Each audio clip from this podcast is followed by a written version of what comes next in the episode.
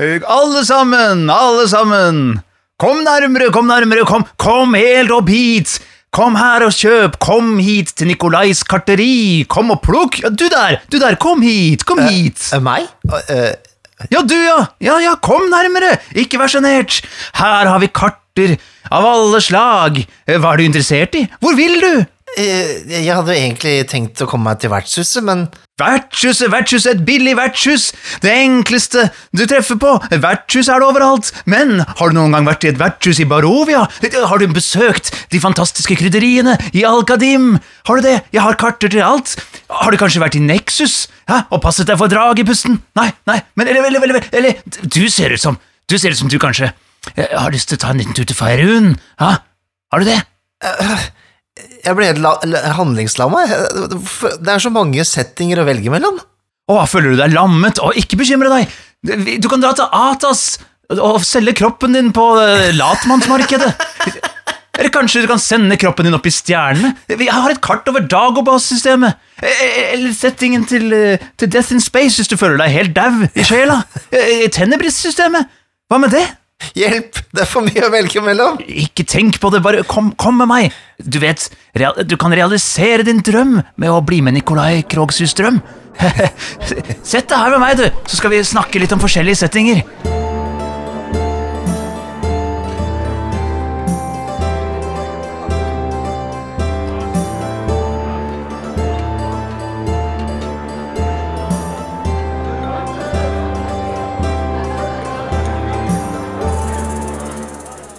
Hei og velkommen til Vertshuset. Mitt navn er Mikael Stensen Solhjell, og jeg har med meg en veldig eh, engasjert kartselger eh, ved navn. Nikolai Krogsrud Strøm, kom hit, sett deg ned, sett deg på fanget mitt, skal vi se på noen kart sammen. Nei, nei takk. nei. Men ja Du eh, kan sette deg på stolen her òg, altså, det er helt greit. Sett, Det er sett meg tett inntil, da, men eh, sånn vi kan høre hverandre. Um, vi fikk et forslag her fra, fra Per Arne, eh, også kalt Kobiak, på uh, Discord-serveren til Ja, Discord-serveren vår var dette her, faktisk. Er det Kobiak? Jeg har alltid tenkt sånn derre Kobiak. Here comes Kobiak rolling in. Jeg, sånn, ja. jeg tenker jo liksom Når et brukernavn på en måte kan sies på norsk uten at det, er sånn, det stikker seg ut som sånn eng, engelsk med en gang, så sier jeg Kobiak. Eller Ja, ja. Ja, sånn er jeg, da. Jeg syns det blir pretensiøst ellers. Nei, det er ikke pretensiøst, det er bare litt, eh, litt raft. Altså, Jeg har jo en onkel som heter Jack, så det blir jo onkel, en onkel Kobiak blir det her da, i så fall. Ja, ja, ikke I sant? litt samme stil. Um, Men han, han kom med et forslag ja, til tema. ja, og det likte vi. Vi likte temaet. Ja, og det var å snakke litt om, om settinger, altså typ, forskjellige typer settinger og måter å gjøre settinger på i rollespill. Yes, men også, også litt grann eh, Ja, forskjellige settinger, men han hadde jo litt spesifikke ting da, som jeg syntes var interessante å, å ta med. Og det skal vi jo komme til, det er jo ikke vits å avsløre det enda. Eh, Men vi kan Ooh, stay tuned! Stay tuned, eh, rett og slett. Vi kan jo begynne med et lite spørsmål, da. Hva er en eh, setting i rollespillsammenheng? Nikolai Kroksrud Strøm. Ja. Jeg liker at du sier Kroksrud, selv om jeg heter jo Krogsrud Ja. på sånn vestkantuttalelse. Jeg, jeg veit det, men altså Jeg har, hørt, jeg har hørt deg si det ofte, men jeg klarer ikke å komme meg på du, Da måtte du sagt fra litt tidligere i vårt vennskap. Ja, sant. Nei, men eh, jeg liker, jeg liker at det, det føles litt mer nedpå med Kroksrud. Ja, Det men jeg, jeg sier tomat og agurk og sånn, så det blir litt rart å si ja. Kroksrud! Vi får ta det etter et par glass champagne. Da er det Krogsrud. Kragen. Kragen. Ja, hva er en setting? Ja, hva er en setting? Er en setting? Jeg, jeg eh, tenker jo at en setting, det er eh, der eh, handlingene foregår i et eh, rollespill, og da ikke bare akkurat på det vertshuset, men på en måte hele verdenen, da, på et vis. Ja. Den verdenen man er i, og de reglene som hører til den verden, for eksempel Fins det magi i denne verden? Eller eh, er det romskip i denne verden? Mm, Teknologinivå, hva ligger det på? ikke sant? At det er det som former stillingen. ikke sant? Og, og innledningsvis her så nevnte jo denne kartselgeren eh, som, som Ja, du ikledde deg en rolle, da, som kartselger her.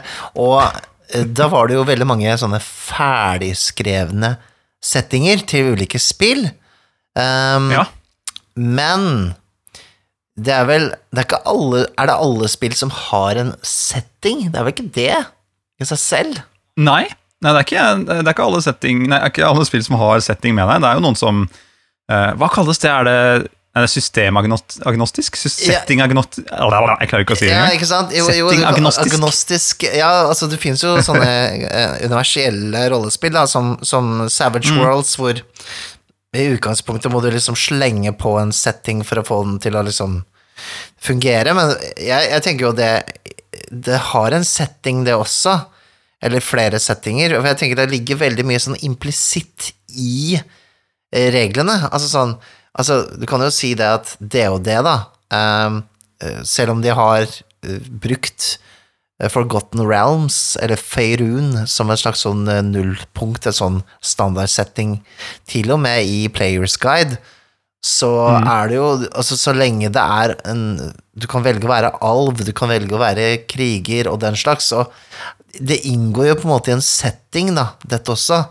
Uh, uh, uansett i et spill, altså i et cyberpunk-spill, om du ikke slenger på um, bakgrunnsinformasjon eh, som kanskje utgjør en setting, da, så ligger jo masse setting i selve eh, reglene og hvordan du lager karakterer og, og den slags, i tillegg. Så det, Ja, det er settingmat der også. Det er litt som i, i Fiasko, for eksempel. ja. Som er ganske eh, Det er ikke så mye regler, sånn sett. Eller sånn, det, er ikke, det er ikke crunchy rollespill. Nei. Men, og, og du kan spille masse type filmscenarioer, men du, kommer, du slipper jo ikke unna at det er typ en filmatisk opplevelse med scener som skal gå til helvete.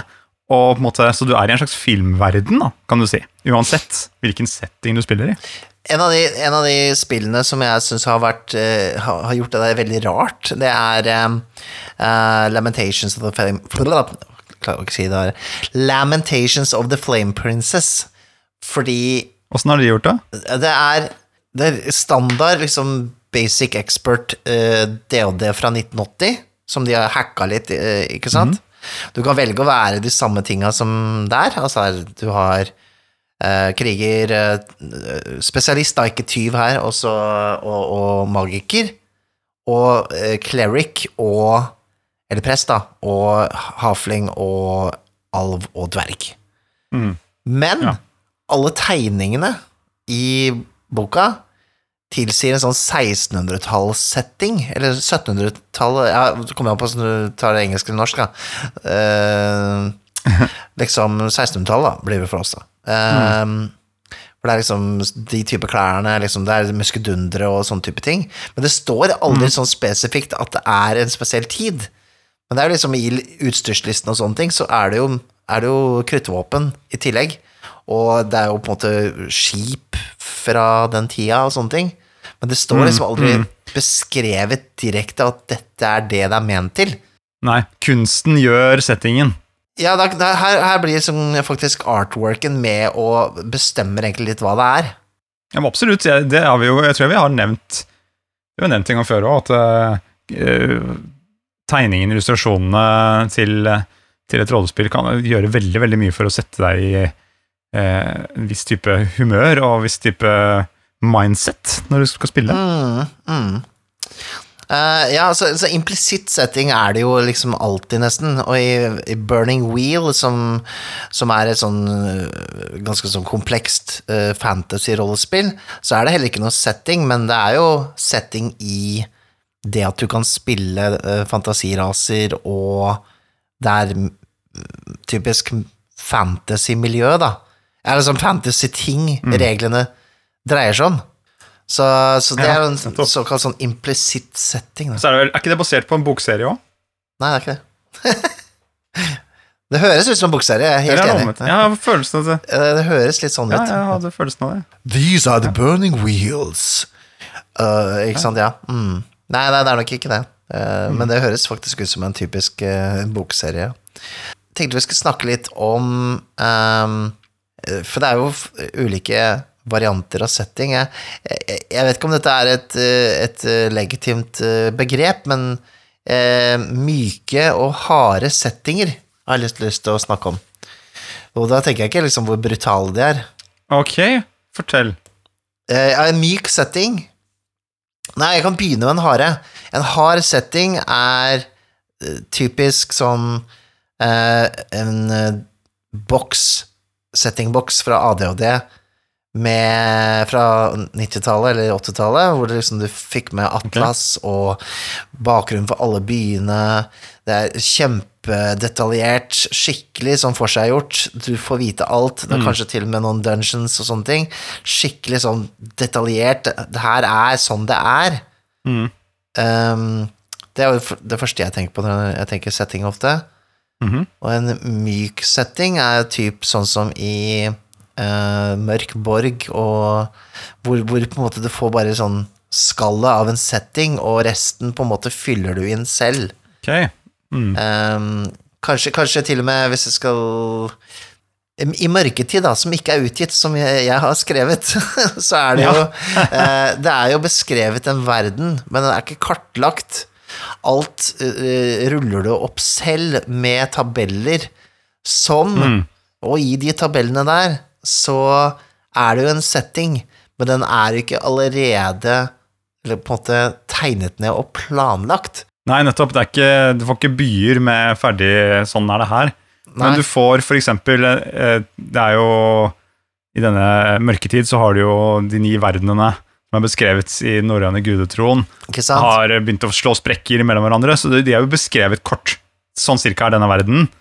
Og her er det en tabell på ting som kan skje i denne verden. Men mm. det er ikke Ola Petterfjell finner du på Nei, den og den sjappa i der og der, liksom. Så du, er, så du, du skaper på en måte det, eh, settingen litt selv, da, med de verktøyene set, den myke settingen eh, gir.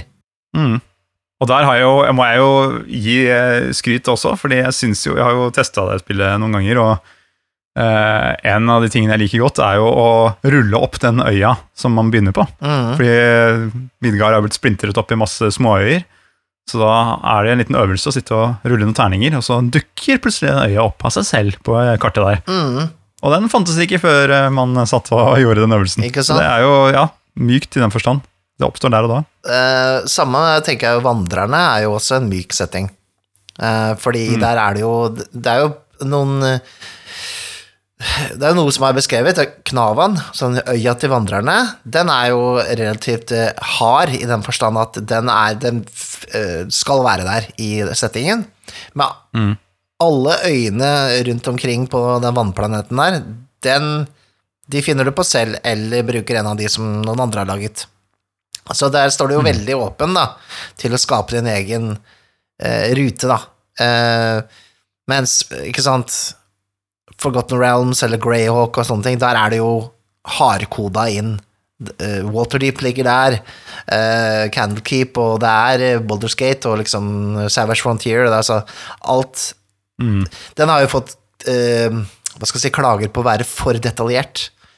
Ja, men den har jo blitt brukt så mye at, eh, og det har blitt laget så mye settinger og, og eventyr til det, at eh, klart at det blir detaljert etter hvert. Hva, hva, hva foretrekker du, da? Eh, Definitivt myk. Ja. Absolutt. Jeg har, jeg har spilt i, um, i F- Faerun, i sverdkysten, da, på en måte på i DHD. Og det, det er jo kult, det, liksom, men det er um, Det at det finnes så mye info det, om alle disse stedene, har Jeg syns det har virket som um, det, har liksom, det, har vært et problem mer enn det har vært en god ting. Fordi at hver gang noen sier at de er fra et sted, så enten så kan en eller annen i gruppa masse om det stedet. Hvis de har planlagt som spilleder, ok, jeg sender de dit, så er det sånn Å ja, det stedet der, jeg vet at er jævska mye av den og den fraksjonen, og der har det vært en krig, og sånt, nå vet jeg en eller annen. Og så er jeg sånn Ja, ok. Det kommer ikke til å dukke opp, liksom. Ja, Eh, ja, Fordi det har ikke jeg lest. Jeg har jo et eksempel på det, var når, når Marius Engebø skulle spille en som kom fra Åh, det er det ridder, eh, ridderlandet, holdt jeg på å si, Uh, mot sør. Uh, jeg husker ikke hva det heter nå, da. I, i, i, på Sverdkysten, eller Forgotten Realms, da. Mm. Og det er liksom sånn De røde ridderne jo blant annet en, gre- Nei, var det, var det lilla ridderne? Jeg husker ikke. Er en av de der eh, Ja, det var noe sånt. Ja, nå husker jeg det. Ja. Ja, Mm. og så var det litt sånn Å, shit. Ja, jeg, jeg leste jo det veldig kjapt, men jeg husker ikke helt hvordan det var, ikke sant? Så, Nei, nei. mm, Men det, fordelen er jo det at hvis, no, hvis man har lyst til å øh, nerde seg ned litt på litt law, da, for eksempel, Mm. så kan man få det gratis. da. Ok, jeg er fra det området, så kan du bare gå inn på Dungeons and Dragons Wikipedia på en måte, og så finne ut hva som er greia der. Jeg husker jeg gjorde det også litt før øh, Ja. jeg skulle spille det med den gruppa. og bare, ok, De røde ridderne, kanskje skal dukke opp noe for ham. Hva var det som var dealen med dem? ikke sant? Så kan jeg hente info derfra. da. Mm. Men jeg har jo mer lyst til å bare eh, kunne wishy-washe det litt. Jeg, jeg synes det er lett For meg er det lettere å finne det på. At, å vite at ok, da kan jeg bare forholde meg til de holdepunktene han har beskrevet Mm. om de der røde ridderne, og så kan jeg eh, legge til som spilleder da, mer.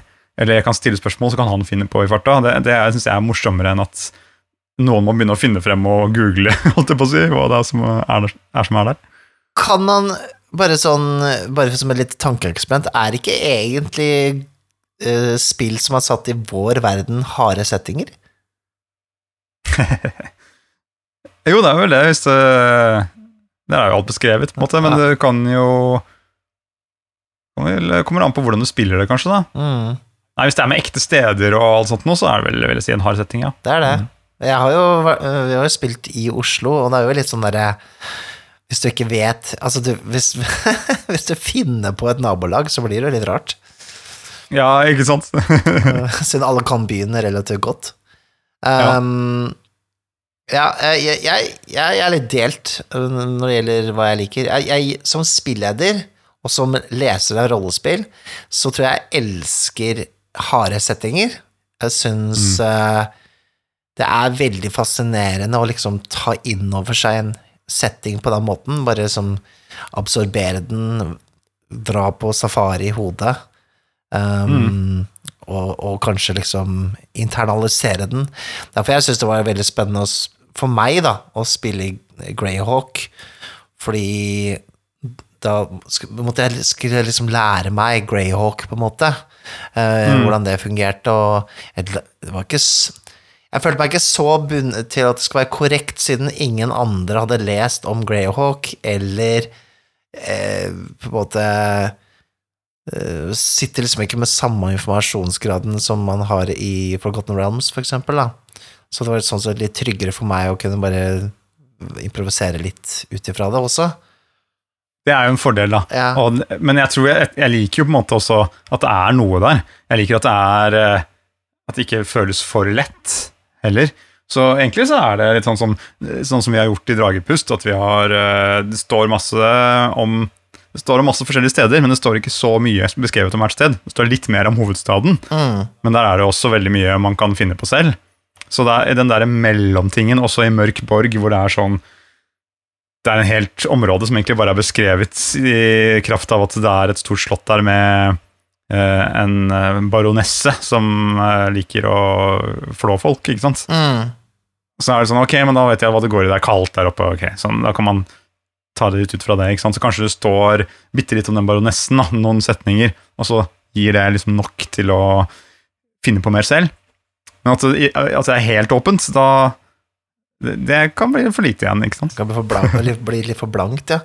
ja, jeg, for jeg, jeg, merker jo det at i, i eh, DOD femte utgaven så er jo eh, Har jo egentlig de fleste settingene blitt litt sånn skrudd litt tilbake til et sånt punkt hvor, hvor på en måte det ikke skal bli for mye for eh, leseren. Um, og så, så en av de liksom de som tinga som liksom sendte meg litt bort fra DOD 5th edition, var jo denne eh, Sword Coast eh, Adventures Guide, er det den heter?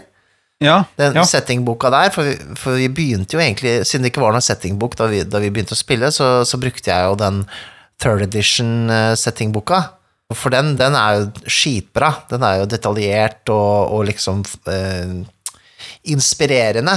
Mens akkurat den, eh, den boka der, den tynne blekka til, eh, til Forgotten Realms og bare Sword Coast, den er, den er, den er tynn suppe. Den, den burde fått en, en eh, revidert utgave. Hvis, hvis Wizards virkelig kjente sitt publikum, så tror jeg de skulle lagd en eh, 300 siders ny blekke der, altså.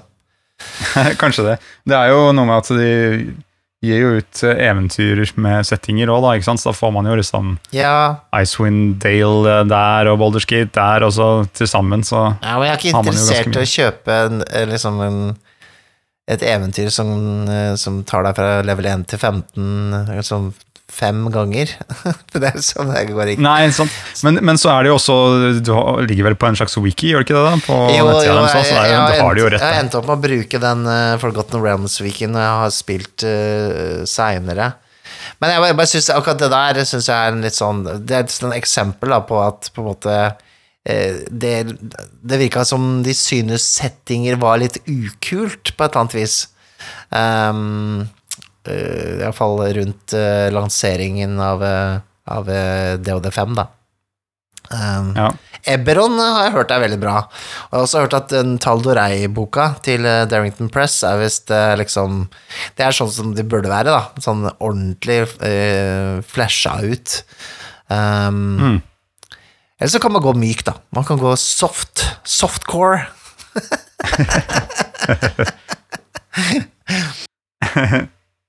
Ja, men her er det jo noe for enhver smak, da. Det er det som er fint. Det er jo Man, får, man kan bli truffet av den derre 'jeg bør kunne alt', ikke sant, hvis det er veldig mye. Ja, ja jeg, jeg ser den.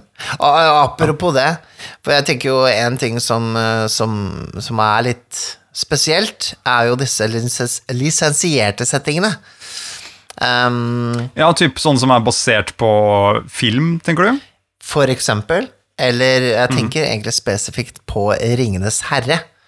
Fordi Ah. det er jo eh, Nå vet jeg ikke om det står i denne nyeste utgaven av The One Ring, men i den første så står det jo eh, at du som lawmaster bør være veldig kjent med Ringenes herre, og være en litt sånn autoritet på det i gruppa, og liksom virkelig kunne din eh, din eh, Middle Earth, da. Og det er sånn er ikke småtteri. Ja, det var, det var skrevet på en litt måte som sånn derre Shit, ja, jeg, kan jeg det, da? Er jeg, er jeg god nok på det, liksom? Um, og jeg tror det med, de har mildna litt opp i måten de sier det på i eh, den nye her, tror jeg. Uh, men men det, det, det sier jo litt om den settingen, at det er sånn Oi, shit, skal du spille Ringenes herre-universet, liksom? Det er jo Mm. Det er så detaljert.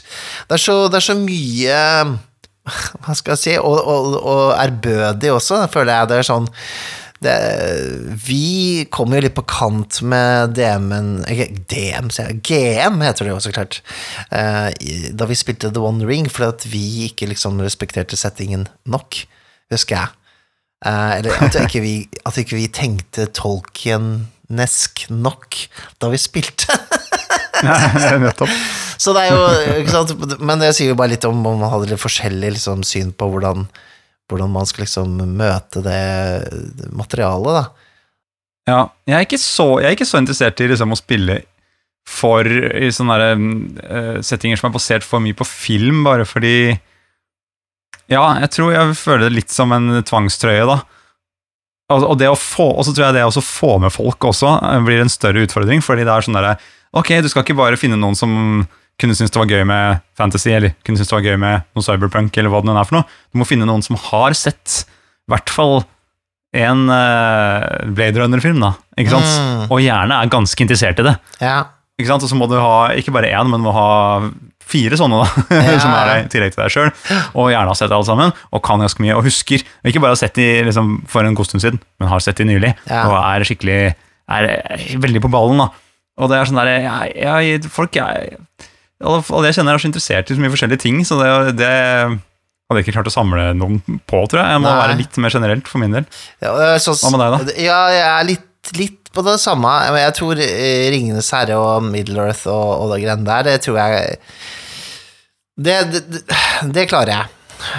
Det er unntaket. Det er litt Det, det skjønner ja.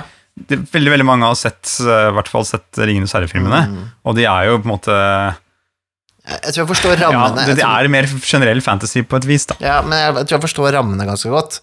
Eh, Mm. og liksom Ja, eh, det er jo kommet såpass mye inn i blodet. Men jeg, jeg, jeg sliter litt med å liksom tenke meg å spille Star Wars, for eksempel. Mm. Fordi Star Wars blir litt sånn derre Det er liksom et eller annet med det at man, man, det er så visuelt, da. Det er så jævla visuelt. Og det skal liksom eh, forklare hvordan noen ser ut uten å bruke bilder eller liksom eh, visuelle hjelpemidler. Eh, Ja. Føler jeg er litt sånn Ja, du kan si der kommer stormtropper stormtropp eh, løpende, liksom, men men eh, jeg vet ikke, det, for meg så, så virker det liksom nesten verre, da. Eh, selv om jeg er kjempestor Ja. Star Wars-fan, i hvert fall de originale filmene, så, så føler jeg fortsatt det er liksom sånn uff. Har du prøvd det? Har du spilt, har du spilt Star Wars-rollespill noen gang? Nei, jeg leste eh, den eh, um, Hva er det det heter for noe? Um, Force et eller annet til eh, Fantasy Flight. jeg husker ikke hva det heter Ja. lenger. Force and Destiny. Uh, eller, Ja. jeg, jeg, jeg leste kanskje 20 sider før jeg innså at uh, det ble for, eh, det ble for eh, treigt å lese, rett og slett. Um, Ja. det, var, det var noe som fikk betalt per ord der. Det merka jeg veldig godt. Um, Ja, ikke sant? Men det, men det kan jeg skjønne at du da At du la den vekk. Jeg husker jo også terningssystemet så ut som et helvete.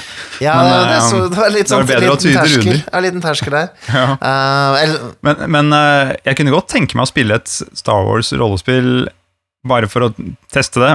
Men uh, jeg er litt interessert. Jeg lurer på hvordan du ville gått frem. Hva slags historie ville du fortalt, liksom? mm. Ja, for det er noe med det at disse historiene i sånne lisensierte settinger, de er veldig ofte, da, eh, veldig monumentale. Det er liksom Luke Skywalker sin historie i, eh, i Star Wars er jo på en måte liksom Selv om det er laget veldig mye serier og filmer som ikke tar for seg liksom den største historien, men jeg føler liksom at det blir litt sånn eh, Jeg vet ikke hvorfor. Eh, det blir fanfiction, da, men, men eh, jeg vet ikke. Det er bare eh, Ja, Litt sånn i. Ringenes herre også, at, eh, at det er litt sånn vanskelig å, å, å tenke stort, da. Fordi på en måte det er en stor ting. Og skal, hvor skal man liksom Skal man klare å toppe det, på en måte? Eh, Er det meningen? Ja, jeg, jeg, jeg ser den jo, det, men det er jo Man får lyst til å kjøpe de, da. Fordi det er den der, ikke sant, Man har fulgt med på alle Walking Dead-seriene, for eksempel, eller hele Walking Dead-serien, og så kommer Walking Dead-rollespillet. Oh my god! Ikke sant, Man må jo kjøpe det. Er- Og, og, da, og så setter man og har den boka i fanget, og så bare Ja, ja, ikke sant? Ja, Mm. ja. nettopp. Eh, hvordan skal jeg spille det her, da? Men akkurat Walking Dead er jo faktisk ikke så ille, da. Jeg tenker jo Det kommer litt an på settingen. Det er jo sånn Walking Dead så kan du jo spille zombie Spille. Altså- du og være en av de der folka. Og, og Alien, hallo. Mm. Du har jo spilt det, det funker jo ganske bra.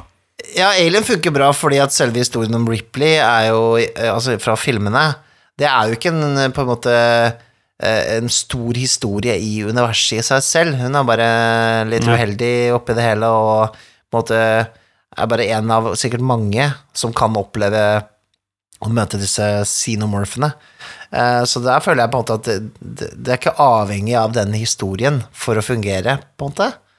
Eh, og eh, mens, mens Star Wars f er, føles litt sånn at den, det er liksom Ja, det er kanskje det er videre, da, på et vis. Ja. Mm. Fordi uh, Alien er jo på en måte Det er jo litt mer eh, Tarantino, holdt jeg på å si. Du du er fanget inne på det skipet. Ja. Mens, mens eh, Star Wars-historiene føles ut som du skal, skal litt rundt omkring mer, og du skal på noen planeter og møte noen rare aliens og litt sånne ting. Mm. Mm. Jeg har også litt inntrykk av at The One Ring, da, bare hvis du skrur det tilbake der, er i hvert fall den nye versjonen at det er liksom litt meningen at man kan spille litt mindre historier. Er det Ja. ikke det? Um, Jo. og Og det setter jeg veldig pris på. Altså den, den gangen vi spilte med Frank Rafaelsen på Midgardcon, Mm. og en del av historien der var i et uh, hobbitbryllup, syns jeg egentlig det var veldig fint. Mm. Og ikke spille ut på eventyrdelen bare det, men også ha noe som skjer i den lille landsbyen. Da. Jeg synes det var veldig fint. Ja, det var kjempefint. Jeg, jeg kan ikke klage på det. Det er bare litt den derre det, det at man på en måte, iallfall i eh, The One Ring, må ta hensyn til et slags metaplott som skjer eh, I år ditt og datt, så skal de og de møtes i den byen, og, så, så, og det året så skjer ditt og datt. Så blir det litt sånn derre um, Hva skal jeg si? Det, det, det er litt sånn derre eh, Du får lov til å spille her, men du, må ikke, du får ikke lov til å røre de tingene, på en måte. Det er sånn, det er litt, det er litt rart. Um, Kom, kom på middag til oss, men ikke søl på duken hvis du Ja. er grei. kan ikke drepe Gandalf, liksom. Det, da, oh, det hadde så vært første jeg gjorde. Så hadde jeg vært eh, spilleder. Så det er vel kanskje hovedproblemet med lisensierte settinger, at man eh, føler man, man er liksom turist i, eh, i en annen historie, på en måte. Man ikke kanskje helt får ta plass i hovedsetet som uh, hovedhelten. Uh, eller heltene. Men du, det der, det du sier der, det er egentlig uh, det der ikke drepe Gandalf. Det, det, det ville egentlig vært mitt tips. Hvis jeg skulle gitt et tips til lisensierte settinger, så er det det, og det er egentlig stjålet fra Itros by også, i tillegg fra, til fra deg. Det er den derre Gjør settingen til din egen. Her, er her er det beskrevet en by. Begynn med å brenne ned et nabolag, ikke sant? Og det er det tipset jeg vil gi til også hvis du skal kjøre en lisensiert setting og vil gjøre den til- din egen. Gjør et eller annet helt uh, ekstremt i begynnelsen, sånn at det liksom du, Sånn at spillerne forstår at det, ok, det er ikke akkurat sånn som i boka, fordi en stor ting har blitt forandret. Ikke sant? Det begynner med at Gandalf har tatt eh, den ene ringen selv. Enda, enda Ja, ikke sant? Eller at eh, Luke Skywalker ble drept eh, sammen med onkelen og tanta si. Så har du Ja. bare sånn Å, shit! Hva skjer nå? yes. ikke sant? Um, så så det, Ja, det er godt tips. Um, jeg tror kanskje man kan bli litt for redd for å tråkke på, på en måte um, settingens tær. Eh, når det er lisensiert, som man liksom eh, kjøper inn i litt sånn fanfiction-territoriet. Um, Det er en fin hook også, da, for å få spillerne engasjert. Hvis, I hvert fall hvis de er litt interessert òg. Bare Hæ? Hva er det du sier for noe? Har hele Kløvendal brent ned, og Elrond har øh, blitt høgd i to av Balrogen? Han, Balrogen har tatt over hele, hele Kløvendal! Ah! Ja, det, det er rått. Det er rått. Ikke sant? Det blir sånn what Fy ifs. fader. Um, Ja. Ja, og disse eh, For eksempel, da um, uh, The One Ring er jo et spill hvor eh, system og setting er veldig um, sammensveisa. Um, hva tenker du om det, sånn med tanke på, på, på uh, ulike rollespill hvor, hvor måte setting og regelsettet er på en måte veldig i seg selv? Eller tenker du så, Sånn det er jo ikke det. Der har du jo hovedboka, hovedbøkene, og så er det sånn Ja, du kan spille i Dragonlance, du kan spille i Forgotten Realms, du kan spille i Ravenloft, bla, bla, bla, og så videre. ja. Hva, hva Nei, du? Nei, altså, jeg, jeg, har ikke, jeg har ikke noe ha, harde meninger der, men jeg har Jeg liker liksom, altså, Jeg får uh, Det kiler koselighetsmuskelen når det er Jeg synes det bare å, det er litt pent, da, på et vis, når det er lagd regler spesifikt for settingen. Sånn der, Mm. Å ja, du bruker det håpet, ikke sant, fra det eh, Fordi det er liksom en del av settingen i Ringenes herre, og mm, Eh, at du bygger under temaet med reglene. Det er sånn derre eh, Man blir jo liksom litt glad av det, men samtidig så Det er ikke sånn jeg heller.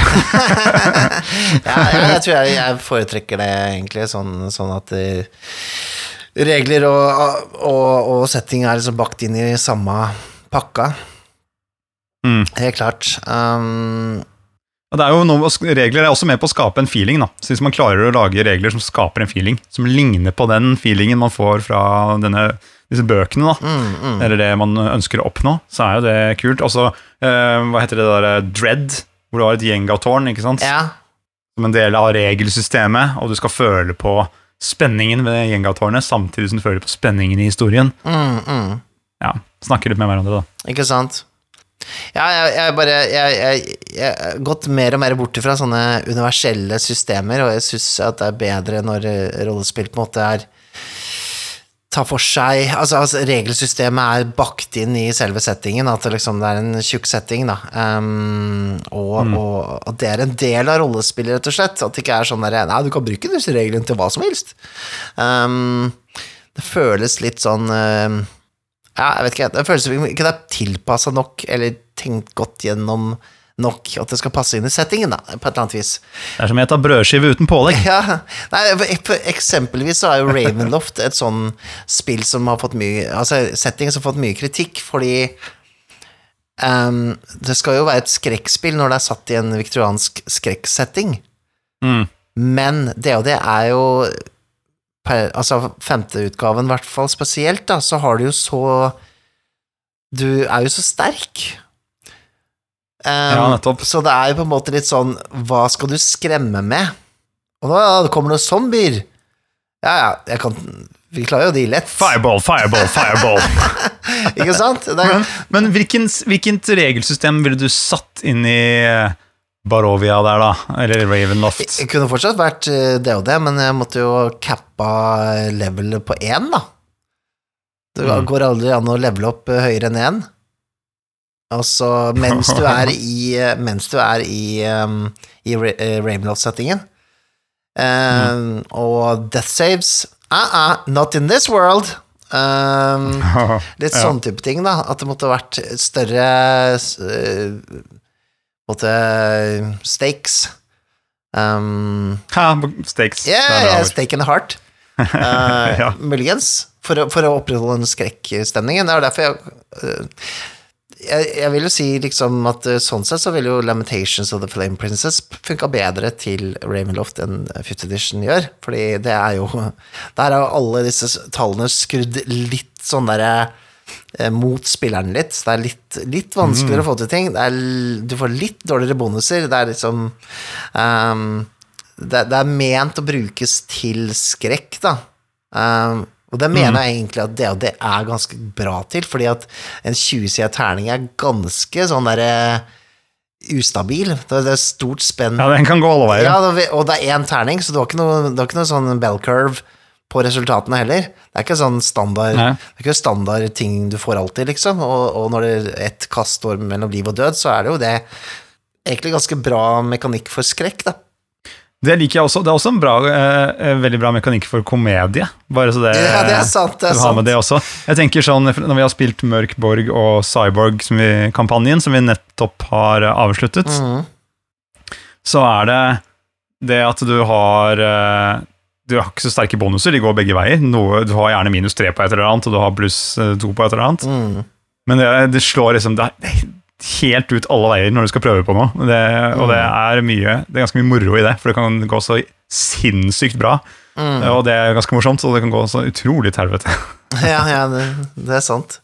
Eh, Så ja, jeg tror det kan være bygd for det, men jeg tenker jo liksom sånn Og det, det her går jo helt tilbake til, til Ravenloft som setting i starten òg.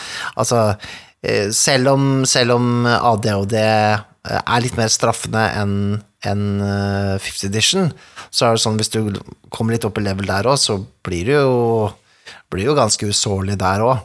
Um, det passer seg egentlig litt dårlig i en skrekksetting. Men for å bare ta, for å ta en, en nydelig podcast-overgang, Ja, som alle podcaster elsker å poengtere når de tar en sånn overgang, en, istedenfor bare å gjøre det. en sånn Segway, uh, som det heter. Ja, som engelskmennene sier. Ja. Uh, fordi apropos eh, Stake in the Heart og vampyrer og alt det greiene der. Du har jo en setting som er eh, settingen til eh, Vampire. ja, og det er jo en eh, meget hard setting.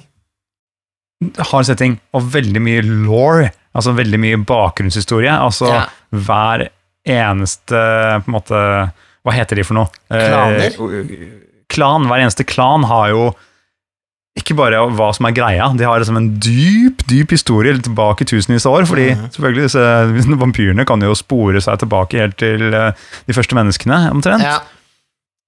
Eh, Så, så der, der er det det er ekstreme mengder med materiale og, og dypdykk i, hvis man vil det. Og man skal ikke helst bare kunne noe om sin egen klan, man bør jo kunne noe om alle, sånn at når man møtes, så har man masse dype politiske samtaler som man kan ha over bordet der, og det elsker en jeg kjenner veldig godt. ja, det er meg, det.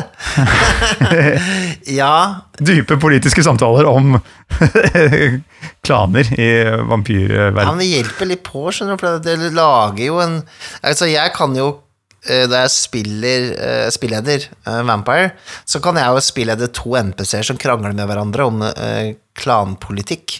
Det skjønner jeg mener. Og fordi jeg kan nok om det til å liksom vite hva de forskjellige eh, sine motivasjoner er, og, og eh, på en måte litt sånn generell oppførsel og den slags. Så det er jo Det er jo for å skape en troverdig setting, da.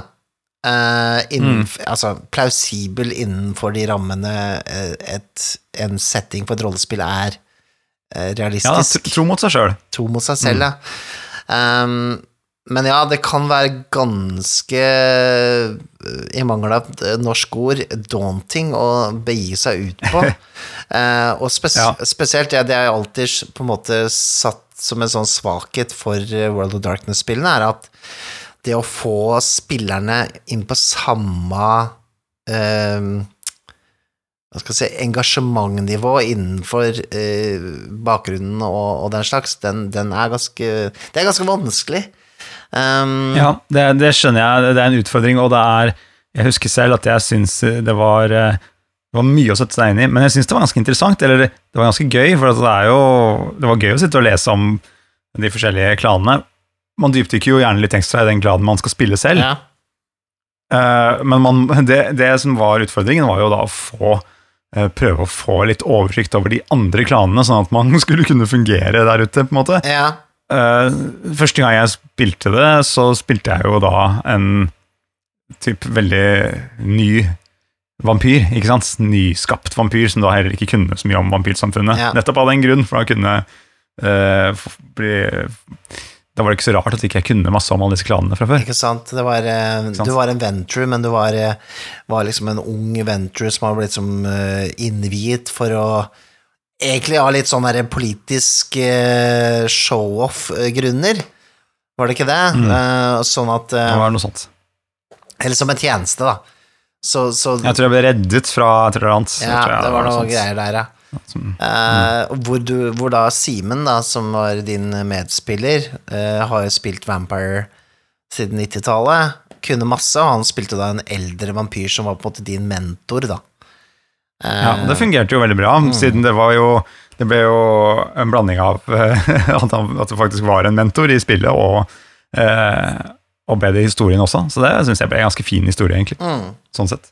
Det er jo noe det er det vi ser hvis, hvis reglene spiller på lag med settingen, eller hvis faktisk situasjonen rundt bordet spiller på lag med settingen, Mm. så kan det være Det er fint når du har to ting som går parallelt med hverandre, da. mm. Jeg vil, jeg vil eh, sånn eh, Med tanke på sånne settinger som det her, da Jeg, jeg har sett noen har vært frustrert med sånne harde settinger. Hvordan kommunisere det til spillerne? På en eh, ikke sånn overveldende måte, for ingen elsker en lord dump, som vi kaller det. Altså at man liksom Spillederen bruker en time med å på en måte forklare hele verden, da. Ja, nei, det kan bli mye. da sovner jo alle.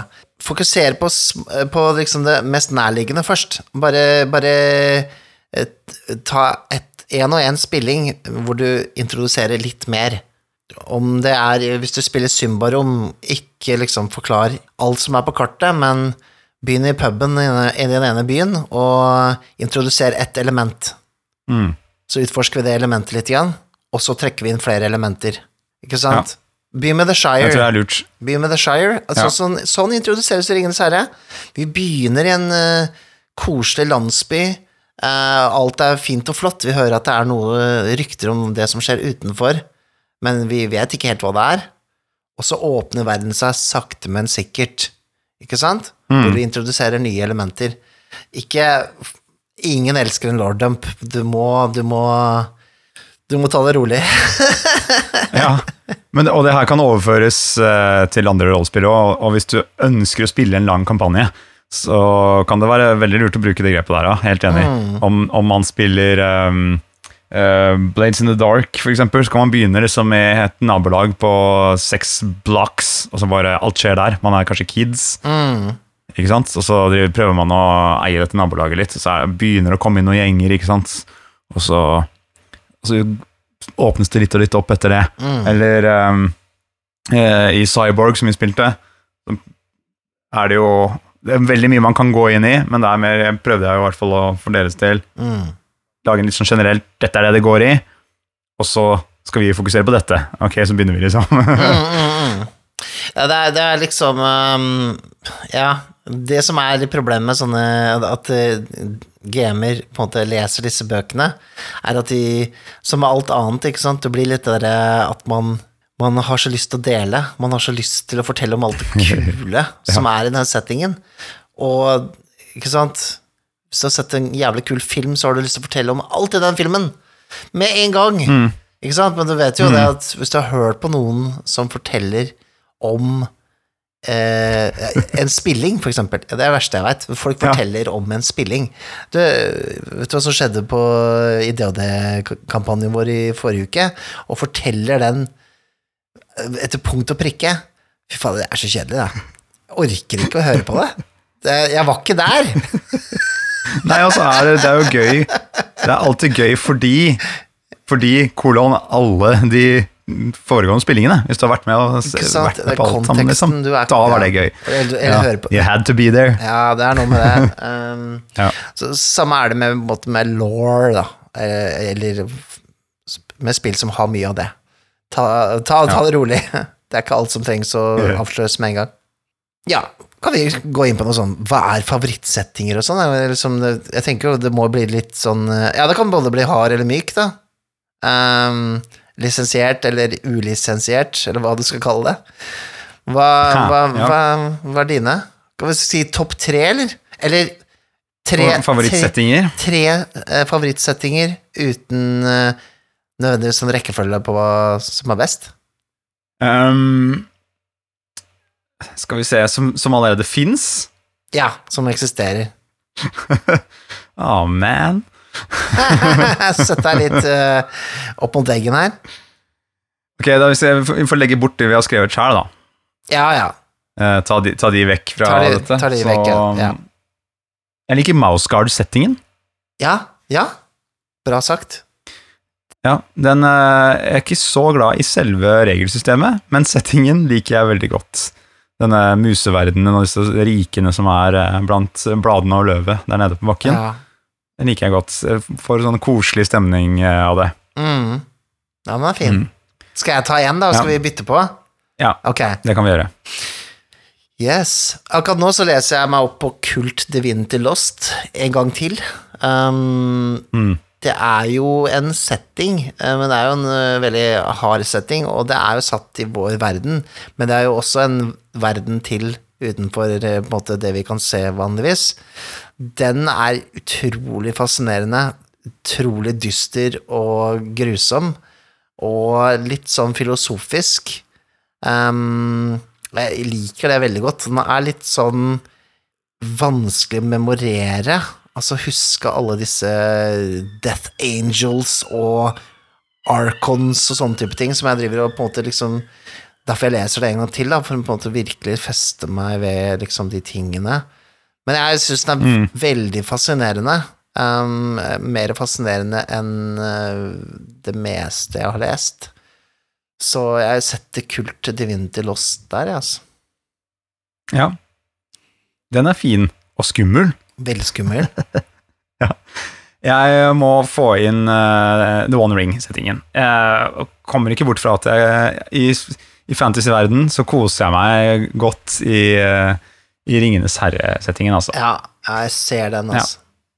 Og, og spesielt eh, jeg, jeg tror jeg, For meg så representerer The One Ring på en måte bøkene mest. Altså sånn Ja.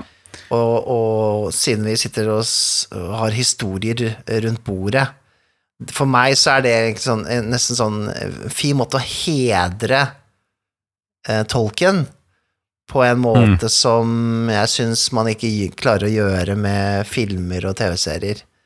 Um, Ja, enig. Og, og hvis jeg skal gå enda dypere inn i det, området rundt Myrkskog, altså kanskje litt opp nord mot fjellene, nord for Myrkskog, og ned hele veien langs den elva der, og um, er det Anduin den heter? Eh, Og ned til, eh, også ned mot liksom uh, Isengard, der hvor Ja. eh, Jarngard, som det heter på norsk, der hvor uh, Saruman holder til. mm, mm. Det er, det er, det er, det er godsakene, det. Det er godsakene sjøl, det, Mikael. Ja, du føler liksom du har vandret der. Ja, Ja. ja det, det er et godt valg. Um, Jeg, må, jeg kan jo ikke si noe annet enn Vampire the Masquerade, da. Uh, herregud. Det er jo også en sånn hard setting satt i vår verden, men det har jo såpass mye eh, historie eh, og dybde at eh, måte, man blir aldri utlært. Det blir litt som, nesten som å forske når man leser. Um, jeg finner det veldig fascinerende. Um, og det var egentlig min første sånn ordentlig kjærlighet til en setting uh, noensinne. på en måte. Sånn, første gang jeg liksom forelsket meg mer i det enn jeg gjorde i regelsystem, da. Eller Ja. selve spillet i seg selv. Mm. Mm. Hva er din siste setting, Nikolai? For jeg, jeg har jo en til. Altså, før, før jeg kommer med en siste setting, så tror jeg er det sånn der Hvis du hadde spurt Hvis du spør meg i morgen, så kommer jeg sikkert med tre andre. Ja, ikke ikke sant? sant? Og fordi jeg har eh, kost meg mye på Sverdkysten, blant annet, men nå tenkte jeg nå skal ikke jeg komme med enda en middelalder-fantasy-setting. Etter å ha kommet med to stykker allerede. Så jeg må nesten si at um, jeg har jo hatt hodet mitt dypt nede i uh, uh, den svenske cyberpunken i det siste, siden vi har jo kjørt uh, en minikampanje i um, Cyborg. Vi har jo hatt en spilling på Vertshuset spiller også, så det har jo blitt Definitivt. dobbel whammy. Det har det. Så uh, Psy og Cyborg, altså, Mm. settingen der, uh, i denne, denne byen som har uh, blitt truffet av en meteor i midten, og som i vårt spill er vridd til at det er New York som har utviklet seg og utviklet seg og utviklet seg oppå Mm. på toppen av den byen. Eh, noe jeg lurer på eh, du Da du leste Cyborg og settingen spesielt, Mm. kjente du på en litt sånn der uro, en slags sånn um, Hva skal jeg si Nesten sånn fysisk følelse av å lese det? Mm, nei, jeg kan ikke det, det, Fortell, fortell. Nei, jeg, jeg, jeg, bare, jeg følte det, var- den var så aggressiv. Den var så, den var så, det er jo en satire, eller en, en en mer enn en Ja. satire. Det er, det, er som en sånn fuck you til, eh, til eh, på en måte moderne samfunn, da. Det er jo liksom AI-ene tar over, og alt er reklame, og ikke sant, du du unnslipper ikke disse greiene her. Ikke sant? Alt er korrupt og jævlig, men det er liksom sånn strengt tatt vår verden skrudd bare et par hakk opp, på en måte. Hvor det liksom Ja, Det føles jo veldig Jeg likte altså, jeg, jeg likte, det var, det var en, del, en, på en, en bit av det som, som jeg også likte, fordi det, er, det viser jo frem litt sånn derre eh, Dette er sånn det er nå, bare at vi har skrudd litt på det, ikke sant? At, Mm. man, uh, at det er liksom fucka, alt det vi, vi holder på med, og teknologien som løper løpsk. Så jeg må jo si, litt etter at vi har spilt en liten kampanje nå, får jeg lyst til å kjøpe telt og ta en sykkeltur. Ja, det er litt sant. Det Det har nesten en sånn Nesten en slags sånn derre Jeg har lyst til å slette Facebook og alt sammen og bare bli en sånn derre loner oppe i fjellet, på en måte. Det, det, det får nesten den Ja. effekten på meg. Um, Nå endte det jo med at dere i slutten av kampanjen sprengte Facebook-bygget, blant annet. Da, Ja. Blant alle andre banker og sånt. Så ja, det var katarsis. Um, så ja, min favoritt Altså, min siste av favorittsettingene og litt sånn eh, kontroversiell. Jeg, syns Dark Sun er ekstremt bra. ja, den har du fortalt om, og jeg har sett litt på boksen og sånt. Det, ser jo veldig fett ut. Det ser litt sånn Konan-aktig ut. Det er Konan, Mad Max, det er uh. Sword and Sorcery, det er skikkelig sånn derre eh, Alt er kjipt, men det er noen eh, små håp der, og det er litt sånn jeg syns er spennende i spill, da. Og det er jo liksom den derre Um, Det kommer jo aldri til å komme tilbake igjen, det har jo til og med Wizards uttalt selv, fordi at det er kontroversielle ting i i Dark Sun, som med tanke på at liksom det er en slaveverden og, og den slags. Eh, men jeg ser for meg, jeg ser for meg liksom spillering. Det, hvor man liksom man slår tilbake slave, slavemesterne og liksom straffer dem noe jævlig og, og på en måte befrir folket og får vann tilbake, ikke sant, og liksom Nei, det, er som Det er litt den derre den, derre mm, sånn, eh, det er litt sånn som en mørk borg også, at det er så eh, mørkt og dystert eh, det kan bli, men det er, det er da så mye mer å vinne, på en måte. Ja, ja, ikke sant? Det er mer på spill. Det er mer på spill, og Men, men det liker jeg altså, godt. Jeg, jeg, jeg har jo Altså, jeg blir med, jeg. Jeg blir med å spille. Det er eh, å spille Mad Max Fantasy. Hallo. Altså ja, det er veldig kult. Møkk å si mer. Møkk å si mer. Og Kannibalhobbiter. Det er også litt bra. Mikael. Mikael. Eh, ja? Hvem er du igjen? Bartalomeus. Jeg trodde du døde i peisen her for eh, mange episoder tilbake. Vi, vi, vi, jeg blir gjenoppliva. Å ja, sånn Resurrection-spill, ja. Det kan dere så klart, ja. Ja, Det er smart, for det- da slipper vi å ansette nye. Men jeg er grusomt forbrent. Ja, ja, ja, det går bra. Du bare tar på deg kappa, du. Jeg har hetta godt over hodet, og så har jeg på salve hver morgen og, og hver kveld. Har det på um... Jeg tok på tigerbalsam her en kveld, det var, det var ikke godt. Jeg skulle dra en vits. Hva heter han igjen? Han er fra Stavanger. Salvesen? Kjartan Salvesen. Det er han, det er han som solgte meg de greiene her. Ja, ikke sant? Men Mikael, mm. du snakker om kannibaler, jeg blir redd. Jeg skjønner å bli redde, men det går bra. Det var bare en setting. Eh, den er ikke på ja. ordentlig. Det finnes bare én setting, og det? det er den gode boken. Ja, jeg forstår det. Dere er, det er jo ikke, dere er jo ikke så fantasifulle. Uh, det skal dere ha for. Um, men hva, hva, hva, hvorfor er du her nå? Jeg har et brev til deg, Jaså? Og så har jeg med meg kameratene mine og nonnene som skal synge en liten sang for deg- for deg. Er det Stavanger-kameratene? Da gidder jeg ikke, ass. Sett i gang!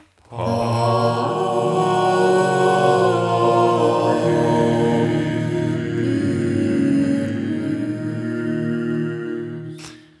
det var ganske fint. Det var bedre enn Stavanger-kameratene. Um, Det var det. ja, Her er det brev til deg fra Matheis Holter. riktig. Fra spillskaper Matheis Holter, som står bak Oi, oi, oi, oi, oi. Draug, Drømmenes Selskap og Archipelago og mange andre deilige rollespill. Eh, det var en gratis reklame, vær så god. Eh, her står Oi, det oi, oi. Eh, Han har skrevet Jeg tipper magikere ville vært en ekstremt privilegert gjeng. Sånn snobbete rike folk som tror at fattige velger å være fattige-typen privilegert. Når de går rundt der i hulene med et par tyver og krigere og leiemordere og sånn, og tenker de nok mye på hvor smarte de er, hvor mye makt de har, eller kommer til å få.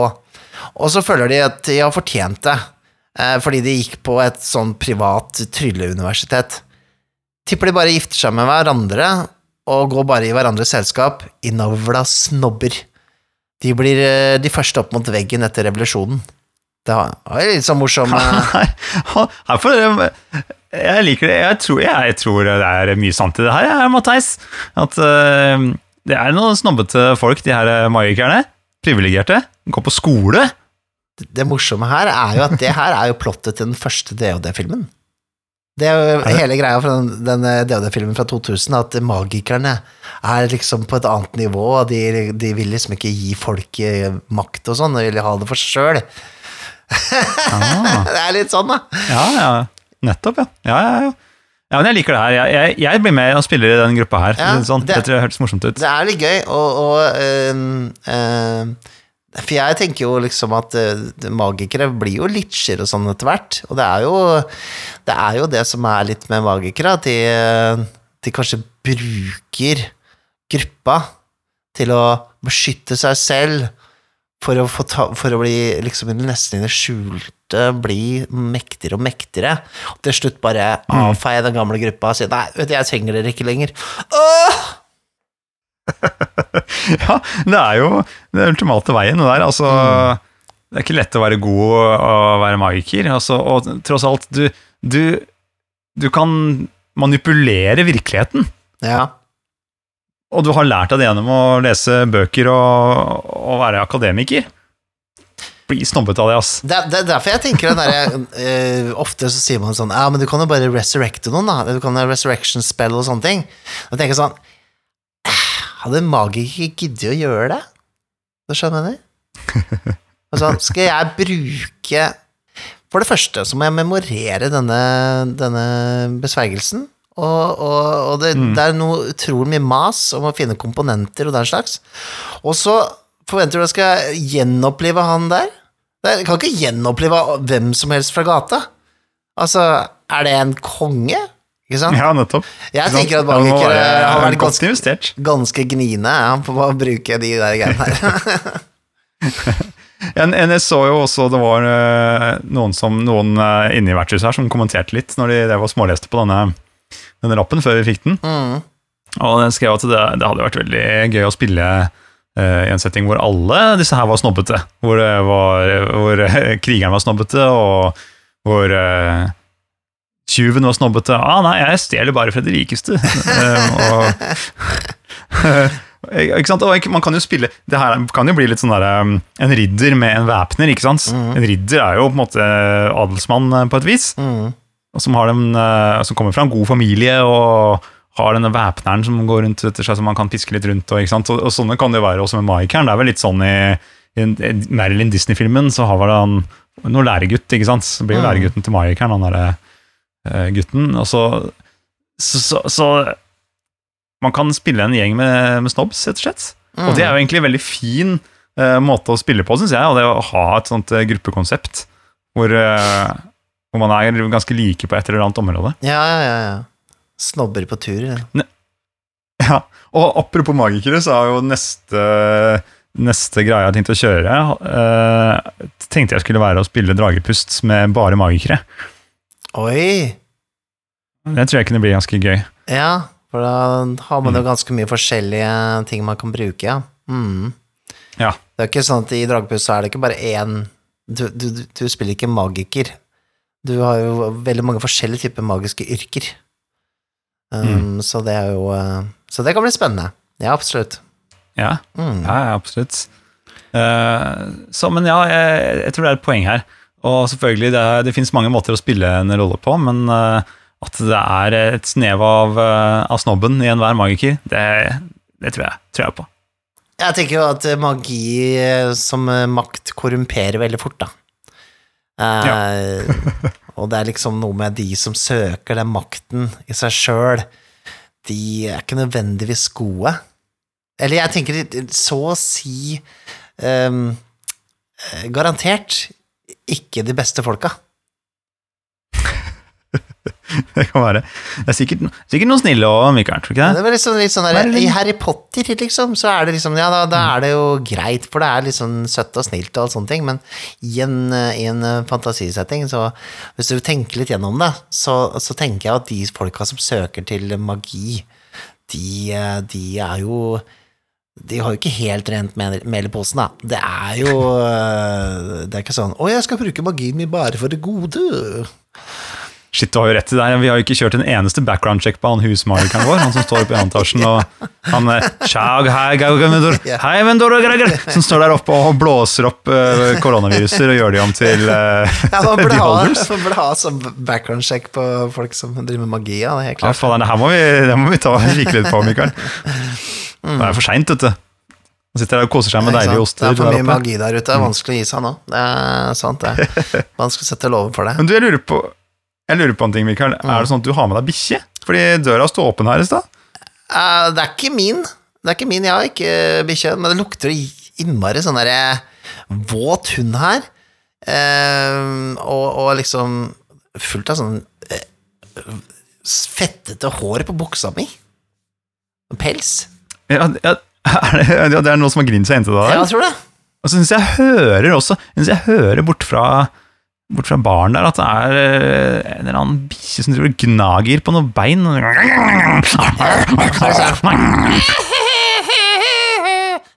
Ja, det hørte jeg også! Det er sånn latter, nesten. Den latteren der! Ja. Den latteren! Det er det som gjør at jeg tenker at kanskje det her det er At det kanskje, det det kanskje At det må være kanskje Oi, det er Det er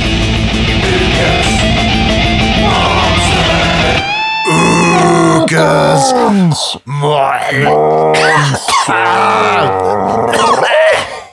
Jeg var ikke klar for å growle. Oi. Hva er dette for noe, Nikolai? Hva er dette for noe øh, vederstyggelighet? Å, fy faderen, Mikael. Vet du hva jeg ser? Jeg ser hva det er for noe nå. Det der er en godt norsk En gnoll. Gnoll. Knoll, Mikael. Knoll. Eller en knoll, som de sier amerikanerne. Gjør det? Jeg tror du sier knoll. Jeg tror det er Knoll. Knoll, Gnoll, Gnoll Ja, det er sant, jeg har ikke tenkt over det, hva de sier. Eh, jeg bare sier Gnoll, for det høres litt sånn det, er jo, Hva heter rødboka? Det heter Gnoll der. Fantes det Gnoll. Gnoll i rødboka? Var det Altså, Buve uh, um, Jeg vet ikke hva det heter for noe. Nei, sikkert ikke. Jeg aner ikke. jeg aner ikke Dette er sikkert noen som kan rette på uh, i noen kommentarfelt et eller annet sted. Hva, hva het Gnoll i rødboka, på, uh, altså den norske utgaven fra 88? ja, det er et godt spørsmål. Uh, Hyenemann. Hyenemann, ja. ja for, for, for, forklar hvordan en gnoll ser ut, da. Ja, for en gnoll det er jo på en måte en blanding av en hyene og et menneske, på et vis. Og det er uh, eh, krokbøyd, lange armer, hyeneansikt, siklende, frådende. eh, har på seg noen filler av noen klær, ting som han har stjålet fra ofrene sine. Eh, og gjerne noen ører og tenner som han også har tatt fra diverse ofre opp igjennom. Og surra i noe, som trofeer rundt halsen. Ja. Ja, Han går rundt på to bein og kaster spyd og ser jævlig ut, rett og slett. Og jeg husker jo Gnoll best fra mitt første møte med dem, som var da jeg spilte Boulders Gate eh, på datamaskinen. Og det er jo en av de første oppdragene man er på, så stikker man ut eh, sammen med han derre Minsk eh, ned til en sånn gammel borg, hvor der er det fullt av gnolls som skal ta deg. Ja, for eksempel, gnolls, det er, de, er, de er sånn Til forskjell fra orker, da, som, som uh, visstnok har para seg med mennesker opp igjennom, så, så, så er gnoll De De er skikkelig fæle. De er liksom De har ikke noe samvittighet. De er, eh, de er liksom kun uh, sinne, vold og eh, grusomhet. Eh, Ja. ja, det er kaoskraft, rett og slett. Og mm, måten de ble til på, da, ifølge uh, DND 5th Edition Monster Manual, er at det var en haug med mm, eh, med hyener, rett og slett, som fulgte etter eh, um, en uh, demon som heter Yen Yenogu. Mm. De var liksom rundt eh, holdt på, holdt på litt rundt denne demonen, for den demonen holdt på å herje av dreiv, ikke sant? Så da dukker det opp masse lik og greier. Det er fint å spise på, ikke sant, for de her eh, hyenene. Og da han ble mm, sendt vekk tilbake til uh, The Abyss, så ble disse her hyenene forvridd i hans bilde, da. Eh, til disse halvblandingen av menneske og, og hyene. Ikke sant?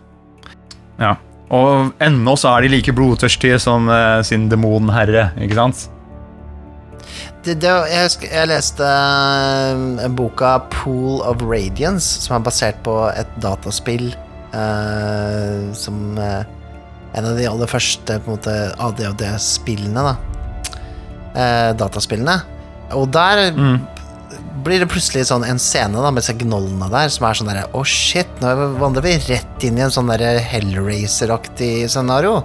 Det var bare så utrolig grusom eh, beskrivelse av hvordan de liksom eh, Der de var, da. Der de bodde og sånn. Så det var sånn at de her jeg, jeg har sett bilde av Gnoll før, og, og jeg tror jeg til og med har lest på beskrivelsen deres, men jeg hadde liksom ikke sett for meg at de var så grusomme. Og det var jo, det var jo, eh, det var jo litt kult. Um, men du kan jo spille Gnoll nå i, i DD 5. utgave, kan du ikke det? Jo, jeg tror du kan det som eh, At det er en av disse supplementbøkene, Volos guide til monstre eller et eller annet, så, så tror jeg det står eh, at man kan spille en gnoll også. Ifølge beskrivelsen i monstermanualen så er det jo litt sånn der Det er jo helt uaktuelt. De Ja. er jo Det jo Hvis det. ikke de slåss mot uh, alt de kommer over, og i en, i en pack så slåss de mot hverandre, på en måte, så å skulle følge det, det vil jo bli litt vanskelig, da. Men uh, jeg mener å huske at jeg, da jeg hørte på en, en annen podkast, rollespillpodkast, som heter Feared Boot, så var det en som hadde testa å spille en, eh, en gnoll der også, over, i en kampanje. Og da den hadde vel eh, veldig mye styrke, da, tror jeg, en av de eh, spesialitetene. Nei, jeg bare Men du- Jeg tenker jo at det er litt kult at det fins monster som er på en måte totalt onde, da. Uh, altså, det er ikke deres feil, på ingen måte. Det er jo det her er jo hyener som har blitt forvridd av en demon, på en måte, så det De var jo bare nøytrale til å begynne med, og så er de nå eh, totalkaotiske. Um, Skal du avskrive dem fra, fra ansvaret? Det er ikke min skyld, det er oppveksten min. ja, lite grann. Litt grann. Um, Men hvordan ville du brukt eh, en gnoll da, hvis du skulle putta det inn i ditt spill? nei, jeg ville brukt det som det? skrekkelement, jeg. Jeg vil bruke okay. det som skrekkelement. De um, kommer inn i landsbyen og tenker de skal slappe av litt, og så har landsbyen blitt til et sånn skrekkscenario med folk som eh, har hengt opp etter tarmene sine, og det er ikke måte på. Det Ok, kjørt helt Ja, er kjørt all out på det igjen der. Ja, ja, det blitt ja, det er kult. Ja, ja.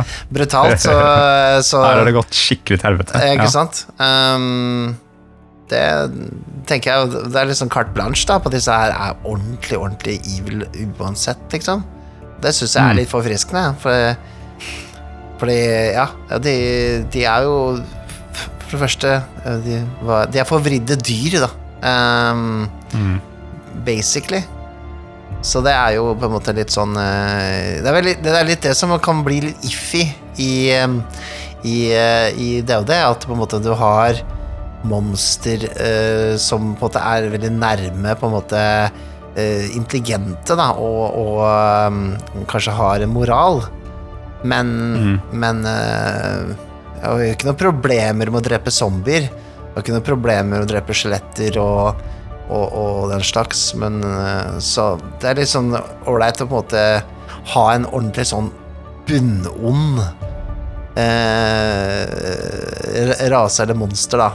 Um, Ja, det er litt deilig, det òg. Det Kunne deilig. slakte litt uten, uten dårlig samvittighet.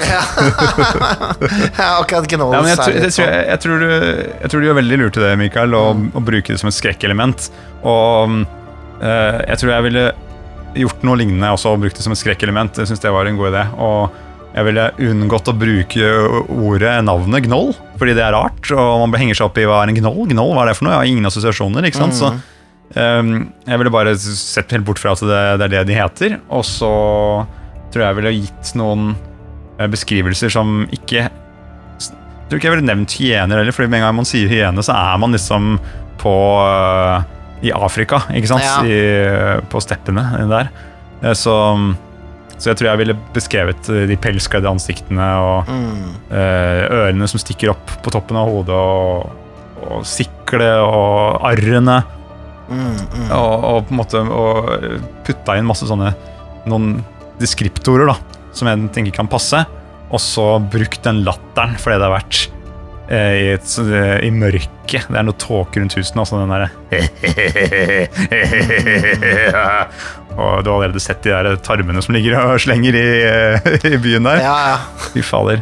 Eh, skumle saker. Ja, det, er det som uh, uh, jeg, jeg liker jo litt uh, at det, det kan være litt eh, sånn eh, eh, for voksne også, at det er litt eh, eh, ordentlig eh, Kan være litt brutalt, da. Og da Mhm. tenker jeg at Gnolls er kanskje en av de jeg ville kanskje hatt som en litt sånn eh, ordentlig trussel. Um, eh, du kan liksom kjøpslå med orkene litt, Jan, mens uh, Gnollsene, de, eh, de er bare liksom en De er bare menace. Det, det er Ja. eh, Det er liksom Prøve å stoppe det tidevannet der. Det, det, er, det er skummelt, liksom.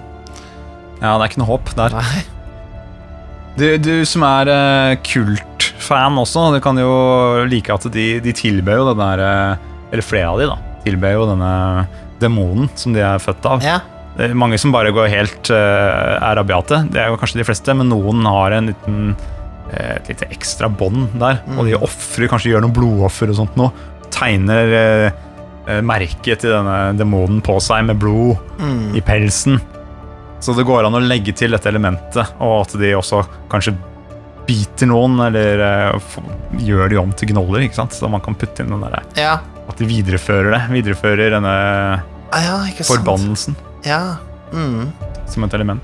Kult. Jeg, jeg kjenner at uh, Skulle jeg kjørt en DOD nå, så hadde jeg gnolla det opp.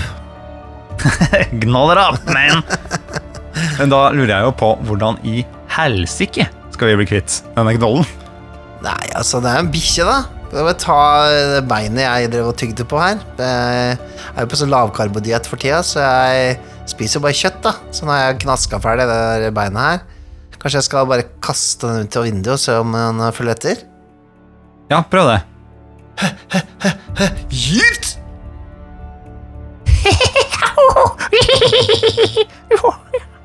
Der var vi Der var vi kvitt den, da, Nikolai. Det var ikke dårlig, bare det. Ja, men det var kjapt uh, redda, Mikael. Ja. Vi får lukke vinduer og dører, så vi ikke får sånn gnoller på besøk uh, seinere. Ja, jeg, jeg, går, jeg jeg går og lukker med en gang. sånn. Ah.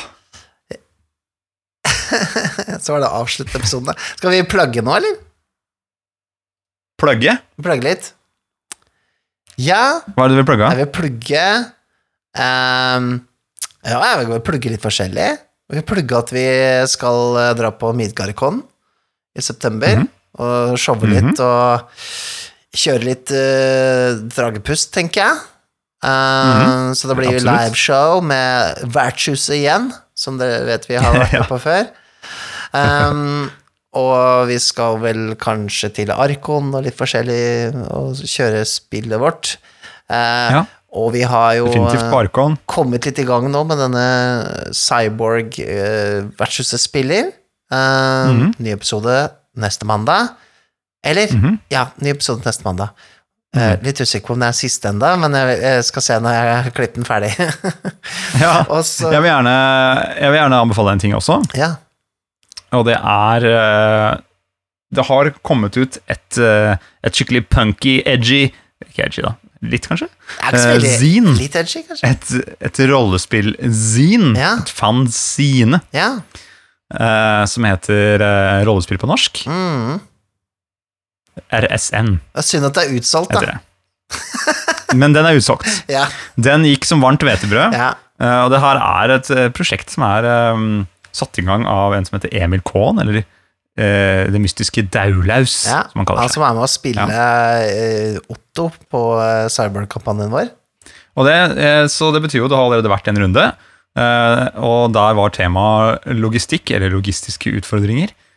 Men fortvil ikke hvis du ikke fikk blitt med på denne, for nå har det søren meg begynt en runde til, Mhm. og denne gangen er temaet ungdomstid. Så hvis du er keen på å på en måte lage et eller annet som har med rollespill å gjøre, og det temaet, send det inn til, han, eh, til Emil, da. Ja, det, er vel best å gå innom uh, rollespill.info-discorden. Det er der liksom mye av Mhm. det skjer. Jeg har skrevet et spill sånn halvveis ferdig. Oi, oi, oi! Fortell! Ja, det heter 17. Um, Oi, Hva er dette om? Man spiller liksom det er et, jeg, tenkt, jeg hadde lyst til å skrive et ikke Et umorsomt rollespill. Altså et sånn rollespill som er sånn litt sånn derre Ikke gøy. For det er sånn irritert over at alle rollespill skal være så gøy hele tida. Og du skal ha sånn derre Ja, men det viktigste er å ha det gøy. Nei, det finner jeg meg ikke i. Uh, her skal vi føle, og her skal vi ha det fælt. Sånn som det var da du var 17. Da det ikke var gammel nok til å gå ut på byen, og, og ting var rart, og man var, var usikker på alt mulig rart og sånne ting. Så Det er kult. ja, Kanskje du kan få en litt annen opplevelse her når du spiller spillet ditt. kanskje. Uh, ja, for det er, Man kan jo lage et lite minispill, eller man kan lage en tabell, bare, for den saks skyld. Eller man kan eh, lage en matoppskrift. Det var det jo også med her. Ja, for, sånn. ja, ikke sant? Så eh, Nei, jeg tenkte jeg skulle lage et spill, jeg også. Det, det er det som ligger i mitt hjerte nærmest, å lage et lite spill. Så jeg tenkte å lage et spill som eh, er basert på en egen opplevelse, faktisk. Og det skal være en spill som er en, eh, en hjemmefest. Det er gøy. Ja. Jeg veit åssen det er. Ja, ikke sant? Det er mange som kan kjenne seg igjen, tror jeg, og da er det liksom de typene som dukker opp på hjemmefester. Mm. Og det kommer til å være mye eh, tabeller man kan rulle på, typ av navn og hendelser som kan skje Ja, i dette huset. ikke sant. Det er planen, i hvert fall. Jeg har eh, skrevet halvparten omtrent. Ja. Det er jo kanskje ikke noe mer kaotisk enn sånne hjemmefester eh, på eh, liksom ungdomstida. Altså, nå, det kan hende det er annerledes i dag, da, men da jeg vokste opp, så var det jo liksom Da har alle kjøpt seg sånne murere. Sånn, sånn Ringnes 1,5 liter med pl eh, plast-Ringnes. Husker du de der? 1,5 liter med Ringnes? Ja, og så på sånn plast... De der murerne? ja, var det, det var, Murerne var de grønne i glass. De var liksom bare fylliker som drakk, men du kunne kjøpe sånn 1,5 liter eh, sånn type sånn colaflaske, liksom. Med Ringnes. Så kjøpte jeg sånn to sånne, da. Og dro på hjemme alene-fest, liksom. Og så husker jeg som jeg jeg husker jeg kom på besøk, det var noen som spikra opp et brukt bind utafor døra, og inne så var det komplett kaos. Med liksom eh, noen som hadde gått på rommet og begynt å ligge med hverandre, og liksom Folk hadde liksom rasert leiligheten, og det var sånn Jeg vet ikke, jeg var bare helt ute å kjøre, liksom. Og Ja, det er litt kaos på sånne fester, og det, jeg tror mange kan kjenne seg igjen eh, i sånne ting. Man bare finner på ting. Vi bare gjør et eller annet. Men det som jeg tenkte, apropos du som, eh, for å ta det tilbake til temaet, da. Ja. Jeg tenkte at mekanikken i spillet skal være Du vet, sånn- du vet toppen av øl, altså ølkorken, ikke sant? ja, det må alltid være noe med deg. Ja, ja. Ja, ja, men det, mekanikken i spillet er at du skal knipse den og treffe den oppi en hatt eller en bøtte eller noe. Ja, det er gøy. Det er gøy. Ikke sant? Du kan bruke en vinkork, da, eller man bruker en vinkork eller en ølkork eller sjamanikork eller noe sånt noe. Ja. Og så skal du liksom Og så må du treffe oppi bøtta, og så står den nærme hvis det er eh, lett, og så står den langt unna hvis det er vanskelig det du skal prøve på. Fins det et beer pong-rollespill? Det kan hende at du gjør etter eh, den Altså, en av dere som lytter, kan lage beer pong-versjonen av det her. Men det her blir eh, på en måte min, eh, min versjon av det. da Jeg tenker det blir mye bra bidrag her. Det er vel litt som en tid man husker ganske godt. Um, det høres ut som min ungdomstid var helt jævlig, da, siden jeg lager det spillet jeg har tenkt å lage. Men det, var, det, var, det er ikke helt sånn, men, men, men eh, et lite utdrag, da. Jeg tror det handler mer, mitt spill handler mer om historie jeg har hørt om andre. Um, tragiske skjebner blant mine mine jevnaldrende, rett og slett. Så Ja. Det, det, jeg gleder meg til å ikke ha det gøy å spille det spillet. Ja, jeg også gleder meg til å ha det skikkelig bedritent å spille det spillet der. Så kan vi lette på stemninga litt med å knipse litt eh, ølkorker etterpå. Ja, det er en god idé. Sjekk ut RSN del 2, eller hva du kaller det for noe, RSN2 eh, på rollespill.info. Discord-kanalen. Jeg setter en link i beskrivelsen av denne episoden. Mhm. Cool.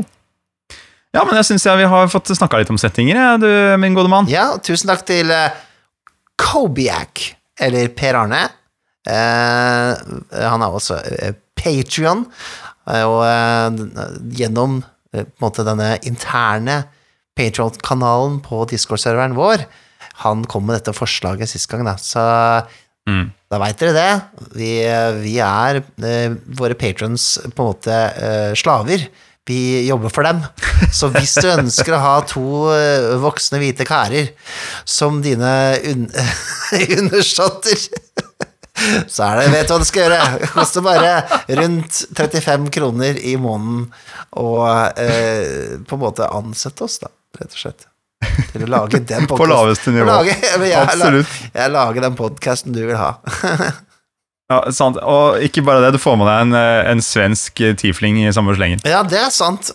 Ja, apropos, er det mulig å få noe outrosang her, eller uh, svenske jævel? Mikael, for deg Aldrig, jeg spiller bare for meg selv. Jeg har blitt litt finsk. Hva har hendt med meg? Jeg var på ferie i Finland, og nå høres jeg sånn her ut. Har du hengt med Tommy Brander? Kan lite grann. ja, lite grann der. Men nå kommer min outro-låt. En Roland special.